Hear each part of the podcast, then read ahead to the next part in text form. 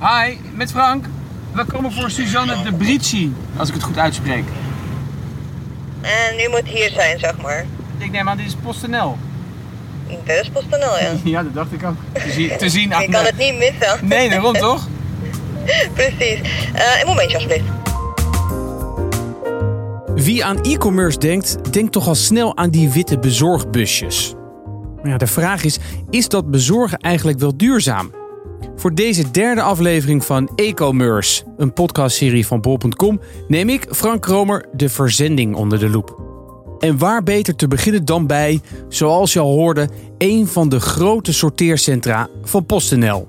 Even kijken. We hebben hier 40. Zei jij nou 41? 42. Voordat we naar binnen mogen, moeten we eerst werkschoenen aan. Want er wordt nogal met stevig materiaal gewerkt. Binnen ontmoeten we Suzanne de Bruchy, manager bij PostNL. En zij weet alles over CO2-uitstoot, vrachtwagens en pakketbusjes... en de verduurzamingsplannen van PostNL. Nou, kijk, there's the charm. Ja, we zijn op dit moment in eh, Amsterdam Zuidoost, onze depot hier.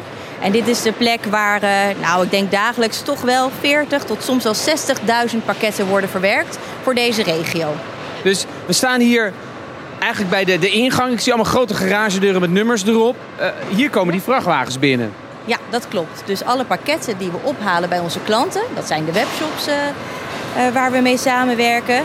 Nou, die pakketten die worden hier afgeleverd, zodat ze ja, in het sorteerproces genomen kunnen worden. Want ik heb online heb ik voor deze serie een koptelefoon besteld. Die is dus opgehaald bij de webshop. Ja, dat klopt. In die grote vrachtwagen gegaan. Inderdaad. Het gaat via een vrachtwagen. Dan komt het eh, bijvoorbeeld op een van eh, onze depots hier in Amsterdam. Eh, of ergens anders in het land natuurlijk. En dan brengen we het in het sorteersproces. En dat sorteerproces ziet eruit als... Ja, hoe zal ik dat eens omschrijven? Een lopende band in achtbaanvorm. het mooie is, je ziet hier de pakketten van de band afrollen. Die zijn iets eerder op de band zijn die helemaal gescand. Dus de, de barcode die je altijd op je pakketje ziet staan. Nou, die kunnen we dan inlezen en dan weten we precies naar welke band dit pakketje moet eh, afrollen. Zodat we ook zeker weten dat hij eh, naar het juiste adres gaat. En dan zo weten we ook gelijk nou ja, de omvang en het gewicht van het pakketje. Dat gaat allemaal door die slimme scanner die je net hebt kunnen zien. Oké, dus het wordt gescand. Dan weet je al precies hoe groot het is en hoeveel pakketjes in zo'n busje kunnen. Ja, dus daar weten we natuurlijk van tevoren al ongeveer. Maar daarmee weten we inderdaad precies of, dat, eh, of het gaat lukken. Zoals Suzanne het zo uitlegt, klinkt het allemaal heel simpel. Mijn koptelefoon komt binnen via de vrachtwagen, gaat de lopende band op, hop, de busjes in en dan onderweg naar mijn huis. Soms rijden die busjes nog dezelfde dag mijn straat binnen. Jesse Weltevreden, lector online ondernemen aan de Hogeschool van Amsterdam, ziet dat door de concurrentiestrijd tussen webwinkels de duurzaamheid in de bezorging een beetje uit het oog wordt verloren. Op bezorgen is een van de punten waarin webwinkels zich met elkaar willen onderscheiden. Hè? Dus eh, same day delivery, eh, kies je eigen bezorgmoment, zelfs op zondag bezorgen. Eh, alles behoort tegenwoordig tot de mogelijkheden. Dus hè, klant is koning, dat is hartstikke mooi. En vanuit gemaksperspectief, maar vanuit duurzaamheidsperspectief, dat is een ander verhaal. En ja, ik vind wel dat we toch wel meer die kant op moeten gaan. En nou, je ziet het bijvoorbeeld bij een, een bedrijf als Decathlon. Hè, die heeft ook gezegd van nou, wij stoppen met gratis bezorging. Want bezorging is niet gratis. Dat kost gewoon geld. En, en dat heeft ook milieu-impact. En eh, wij willen dat mensen ook een, eh, zien dat daar een reële prijs eh, aan ten grondslag ligt. Dus die zijn daar om die reden en ook mede om duurzaamheid vanuit duurzaamheidsoogpunt mee gestopt. En ik denk dat webwinkels nou ja, op een gegeven moment ook toch meer die kant moeten opgaan. Want we willen toch met elkaar goed voor deze aarde gaan zorgen. Jesse had het net over het bekende same day delivery. Je bestelt iets en dezelfde dag heb je het in huis. En dat is natuurlijk fijn voor de klant, voor jou en mij, maar vanuit duurzaamheid gezien is het dus niet echt een fijne bezorging. Maar waarom eigenlijk niet? Ja, als jij vandaag bestelt en het ook vandaag nog in huis wil hebben, dan kan je je voorstellen dat het bestelbusje wat dan moet komen natuurlijk minder goed gevuld is en minder efficiënt is dan als het ook morgen of, of een dag daarna of drie dagen later mag komen. Dan kunnen ze dat logistiek veel beter plannen. De consument staat dus voor het dilemma tussen gemak en duurzaamheid. Laat ik mijn koptelefoon vandaag nog bezorgen of wacht ik nog heel eventjes zodat het op een gemakkelijkere en duurzame manier bezorgd wordt? Dat ziet ook thuiswinkel.org. Ik sprak met Ellen de Lange, manager duurzaamheid, over het bewustzijn van de klant. Maar eerst, heel even eerlijk, zitten we als consument eigenlijk wel te wachten op zo'n duurzame manier van bezorgen? Nou, we hebben daar onderzoek naar gedaan en 40% van de consumenten zegt dat ze het belangrijk vinden, uh, uh, een duurzame bezorging. Dus dat is niet iedereen, maar dat is toch uh, een heel aantal mensen. en we zien ook uit onderzoeken dat als je zo'n duurzame optie aanbiedt en bij voorkeur nog standaard aanvinkt, dat een heel groot deel daarvoor kiest. We hebben ook gekeken naar wil een consument nou eigenlijk betalen voor, uh, voor een duurzamere bezorgoptie. En helaas is dat uh, nog minder het geval. Dat zijn maar 12% uh, van de mensen. Het is een onderzoek geweest door SendCloud. dat heet het E-Commerce Delivery Compass 2021. En er komt inderdaad naar voren dat maar 12% van de consumenten echt bereid is om te betalen. Dus we vinden het wel belangrijk, maar betalen ho maar. Ja, dat is helaas nog zo. Ja, ja. Ja, Is het voor de consument eigenlijk duidelijk wat het dan precies is, dat duurzame bezorgen? Omdat er zijn heel veel factoren die ja, een invloed hebben op die CO2-uitstoot. Dat klopt, dat maakt het uh, best wel ingewikkeld. Dus uh, nee, consumenten weten nog niet goed genoeg wat eigenlijk een duurzame bezorgoptie is. En waar je het beste voor kan kiezen. En kun je het beste kiezen voor een online bezorging of naar de winkel gaan. We weten het dus gewoon niet als consument. We weten het niet. En om ons op weg te helpen heeft thuiswinkel.org een speciale tool ontwikkeld, namelijk Bewust Bezorgd. Luister maar even naar deze explainer video.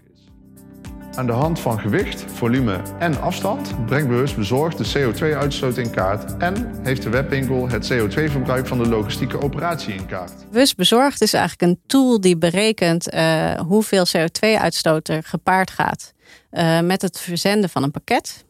En dat heeft twee uh, redenen. Eén is zodat de webwinkel weet wat zijn uitstoot is en hoe die kan reduceren.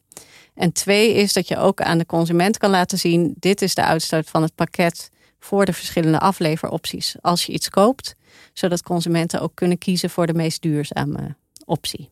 Maar het klopt wel dat, dat er nog weinig over bekend is. En dat is ook wel waar wij als uh, belangenvereniging op inzetten om steeds meer te communiceren over wat is nu eigenlijk duurzaam winkelen en uh, hoe kun je daar zelf aan bijdragen. Maar is dat misschien, is dat ook misschien het probleem dat mensen er niet bereid zijn voor te betalen, omdat ze eigenlijk niet weten wat er dan verandert? Want het wordt nog steeds met hetzelfde busje bezorgd. Ja, ja, dat is dus ook waar, waar we nu eigenlijk op inzetten met, met bewust bezorgd. Dat, je dat wel kan zien in de checkout. Dus uh, in, in je afrekenpagina uh, waar je komt als consument. En dat je daar kan zien het verschil tussen de verschillende bezorgopties. Uh, maar het klopt wel dat, dat er nog weinig over bekend is. En dat is ook wel waar wij als belangenvereniging op inzetten. Om steeds meer te communiceren over wat is nu eigenlijk duurzaam winkelen. En hoe kun je daar zelf aan bijdragen. Maar ja, bij wie ligt die verantwoordelijkheid eigenlijk? Moeten de consumenten meer nadenken tijdens het bestellen of moeten juist de webwinkels aangeven hoe ze duurzaam bezorgen? Volgens Jesse Weltevreden ligt dit iets genuanceerder. Ik denk dat we met elkaar, en dan heb ik het over bedrijfsleven, webwinkels, consumenten, maar ook de overheid, dat we dit met elkaar moeten doen. We hebben daar allemaal een, een belangrijke invloed in. Kijk, de consument uh, het, het, het koopgedrag van de consument is een hele bepalende factor. Hè? Als, uh, als ik zeg van nou, ik wil het vandaag in huis hebben. Ja, dan, dan heeft dat een, een negatief milieueffect dan als ik langer wil wachten. Als ik alle, altijd met de auto naar de winkel ga, eh, terwijl ik ook met de fiets zou kunnen gaan. Ja, dan heeft dat een impact op het milieu. Um, dus aan de ene kant um, is dat iets dat wat in onszelf moet veranderen. Maar er moet natuurlijk ook een beetje bij geholpen worden. Dat komt door de webwinkel, door een stukje bewustwording. Maar ook door de overheid die zegt van nou ja, hè, bewustwordingscampagnes. Maar op een gegeven moment ook zeggen joh, uh, uh, dit mag niet meer. Of nou ja, en als je dit toch wil, dan moet je misschien wat meer voor gaan betalen. Hè, want dan gaan we toch een, een heffing uh, of, of een andere incentive doen. Dat je toch wat, wat milieuvriendelijke gedrag gaat vertonen. Dus als, het, als mensen echt niet willen veranderen, dan zal toch de sector, dan wel de overheid moeten ingrijpen, vind ik. Maar toch, als ik naar mezelf kijk, ik ben ook bewust met het milieu bezig. Ik eet uh, bijna geen vlees meer. Maar ja, als ik online wat bestel, wil ik het wel graag de volgende dag in huis hebben. Snel. Want anders ja, kan ik net zo goed naar de winkel. Ik wil het gewoon bestellen en uh, morgen moet het er zijn. Dus terwijl ik als ik jou zo hoor, dat, dat zijn die snelheid, dat is vaak een, toch een CO2-opdrijver. Dat is zeker een CO2-opdrijver. En ik denk dat daar uh, de webwinkels ook een belangrijke taak hebben om de consument daar bewust van te maken. En van nou, als jij kiest voor vandaag bezorgd, dan uh, is dat de CO2-uitstoot. Maar als jij even drie dagen wacht. eh, of, of voor een andere bezorgwijze kiest. dan is die CO2-uitstoot in één keer een stuk lager. Dus eh, de webwinkel heeft ook wel een sleutel in de handen. om jou als, als consument eh, nou, daar bewust van te maken. en ook actief keuzes te laten maken. Want jij zegt wel, ik wil het snel hebben. Maar als jij de keuze voorgelegd krijgt van nou, eh, als jij het morgen in huis wil hebben, dan, eh, dan kost dat eh, drie bomen. Maar als je drie dagen wacht, dan kost dat maar één boom. Ik noem maar wat. Ehm, eh, dan zijn er mensen die daar gevoelig voor zijn. En, en dan ga je denken, ja, heb ik het echt morgen nodig? Of kan ik wel drie dagen wachten? Nou, als dat het milieu helpt, dan zijn er zeker mensen die daar gevoelig voor zijn. En ik verwacht dat er steeds meer mensen gevoelig voor zullen zijn. Want ja, we moeten toch met elkaar wel een beetje zuinig zijn op deze aarde. Daar komen we steeds meer achter. PostNL minimaal twee keer per dag. DHL vier keer per dag. Want die hebben express en pakket. Dan komt ook nog de Jumbo. Dan komt Coolblue. Wij meten bij ons in de straat. We hebben van die camerabeelden. Wij zien per dag 50 tot 60 bezorgvoertuigen door de straat rijden. Omdat iedereen het op zijn eigen manier doet. Walter Ploos van Amstel, de stadslogistiek-expert van deze serie, kijkt dus elke dag zijn ogen uit in zijn Amsterdamse straat. 60 busjes per dag. En dat is natuurlijk ook geen kinderspel. Daar is weinig duurzaams aan. En daarbij komt dat in een kwart van de gevallen de consument niet eens thuis is. Dan wordt het of bij de buren geleverd. Nou, mijn buren hebben er echt geen zin meer in. Ja, maar het is ook best vervelend. Ik heb, ik, in mijn vorige huis, ik durf het niet al te vertellen, ik een hele lieve buurvrouw. Maar die beschouwde het, als ik aan de deur stond, ook wel als moment om even gezellig te kletsen en een eh, lekker glas witte port erbij te schenken. Ik was gewoon een half uur bezig om mijn pakje eh, te krijgen van mijn buurvrouw. Maar het is ook twee keer bellen voor de bezorger. Eh, maar nog steeds is zo'n 1 op de 10 consumenten en de buren niet thuis om het pakje te laten leveren. Dat is zonde, want dan moet hij in de tweede ronde mee of hij moet worden gepakt. Maar begin dan maar eens gewoon te luisteren naar de consument en te vragen de consument wanneer wil jij het hebben? Bied de keuzemogelijkheid. Hoef je niet een tweede keer mee te nemen. Heb je niet 20% van de ruimte je bestelauto nodig om pakjes. Uh, zet de klant aan het stuur. Dat is nog steeds de goedkoopste manier van bezorgen is in één keer goed. Geen driemaal is scheepsrecht dus, maar bestellen en afleveren. Bij thuiswinkel.org zouden ze dan ook graag meer afhaalpunten zien, zodat de bezorging in één keer goed gaat. We kijken ook uh, met name in de steden naar uh, afleverpunten uh, die voor mensen echt heel makkelijk bereikbaar zijn en dichtbij. En het kan zijn in de vorm van kluisjes bij bushokjes of op, op stations en andere plekken of bij het, bij het kleine lokale winkelcentrumpje in de buurt. Ook omdat het probleem van congestie ook speelt in, in de binnensteden. Dus de busjes uh, die de straat dicht houden, zeg maar. Dus daar speelt zeker een, een andere problematiek dan, dan in de buitenwijken en in, in de dorpen. Als het gaat om CO2-emissies verminderen, dan speelt het bij beide eigenlijk evenveel. En ook onze stadslogistiek-expert ziet toekomst in afhaalpunten. Sterker nog, hij is er een grote fan van. Als ik weer aan het werk ben, bij op de hogeschool hebben wij kastjes van MyPub. Dat is een bedrijf dat overal kastenwandjes neerzet. Die hebben dat bij Booking, bij de ABN AMRO. Dan is dat voor mij het ideale punt. En dan krijg ik een sms'je wanneer het pakje erin ligt. Ik kan het ophalen wanneer ik dat wil. Zowel Jesse als Walter benadrukte het al. Bied de consument een keuze aan. Zorg ervoor dat jij en ik zelf onze bezorger en tijdstip kunnen kiezen. Met big data moet dat echt makkelijk te realiseren zijn. En investeer in meer afhaalpunten en pakketkluisjes. Maar ja, dan hou je nog wel steeds al die verschillende pakketbezorgers. Dus hoe ziet de toekomst er dan uit? Wat we ook straks zullen zien is dat je grote ketenregisseurs krijgt. Dat worden of de platforms of bedrijven als Nike en Adidas diezelfde ketengie pakken. En dat de pakketbezorger wordt een soort onderaanbesteder. Je komt in de tweede lijn. Dus je ziet maar weinig bedrijven in de pakketsector die dat goed zien. En eigenlijk is de enige die, die zo denkt, is DHL. Want die zeggen, nou, als wij kijken naar die klant en we kijken naar de eisen die de klant stelt en de complexiteit, dan moet je die keten van kop tot staart kunnen beheersen. Anders kun je die klant nooit tevreden stellen. Dus DHL zegt, we pakken het op bij een producent in China, Amerika of, of, of in, in Oost-Europa of in Nederland. En we regelen de hele logistiek, inclusief de magazijnen, inclusief waar leg ik voorraden in Europa neer, inclusief met welke pakketvervoerders gaan we doen. Dus we gaan zien dat die hele wereld van uh, de pakketsector de komende vijf jaar fundamenteel op de schop gaat. Tot zover het bezorgproces, want we weten nu een beetje hoe dat efficiënter kan. Maar hoe zit het eigenlijk met de bezorging zelf? En dan bedoel ik al die ronkende dieselbusjes in mijn straat. Die zijn verre van duurzaam. Dus waarom gaan we niet gewoon over op elektrische busjes? Die bestaan gewoon. Tijd dus om terug te gaan naar PostNL, terug naar Suzanne Dubrichy. Dus we staan hier op het, het laadplein. En dus niet het inladen van de busjes, maar de elektrische auto's echt laden. Ja, misschien heel dom, maar ik denk ja, als jullie nou echt serieus zijn, dan koop je toch gewoon eh 100.000 van die elektrische busjes. En dan ga je gewoon, dan gooi je toch al die dieselbusjes weg. Ja, nee, uiteindelijk, eh, nou, ik weet niet of we ze gaan weggooien, maar vervangen, dat, dat willen we zeker. Het zijn er ook geen honderdduizend, maar het zijn er inderdaad nog een heleboel die we nog moeten vervangen. Ik denk dat we hier een hele mooie stap hebben gemaakt. Hè. Dus 50% van ons eigen wagenpark hier is nu elektrisch. Uh, ze staan er niet allemaal. Vanmorgen om half zeven zijn ze al vertrokken richting uh, Amsterdam. En en de eerste zijn nu al weer terug. Dus ja, er moet nog een heleboel gebeuren. Maar waarom koop je ze niet gewoon? Nou, we hebben er inderdaad al een heleboel gekocht. En op dit moment is het niet mogelijk om in één klaps ons hele wagenpark te vervangen. Dus we moeten ook echt wachten op fabrikanten die voldoende bussen. Wij zijn natuurlijk groot. Hè? Het is niet zo van ik ga mijn ene auto thuis voor de deur vervangen voor een elektrische. Nee, alles wat wij doen moet heel schaalbaar zijn. Dus het moet, uh, ja, in grote getallen moeten we die aanschaffen. Dat gaan we ook doen. Die plannen zijn gelegd. Een budget is er ook klaar voor. Het is nu even wachten tot we ook overal laadspleinen kunnen aanleggen. Hè? Zoals waar we hier staan. Want ja, dat is natuurlijk ook een ding.